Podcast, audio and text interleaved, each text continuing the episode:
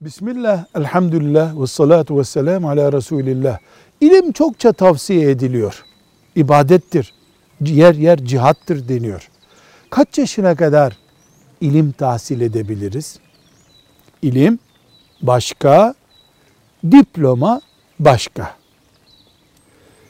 İlim başka, force başka. İbadet olan ilim hayat projesidir. Beşikten mezara kadardır. Yaşı, cinsiyeti, ülkesi, mevsimi yoktur. Namaz devam ettikçe ilim devam eder. Yaş ilerleyince algılama oranı düştüğü için ilmin alanı değişir, daralır. Ayrı. Ama o gaye, o heyecan bir gün mezara girinceye kadardır. Velhamdülillahi Rabbil Alemin.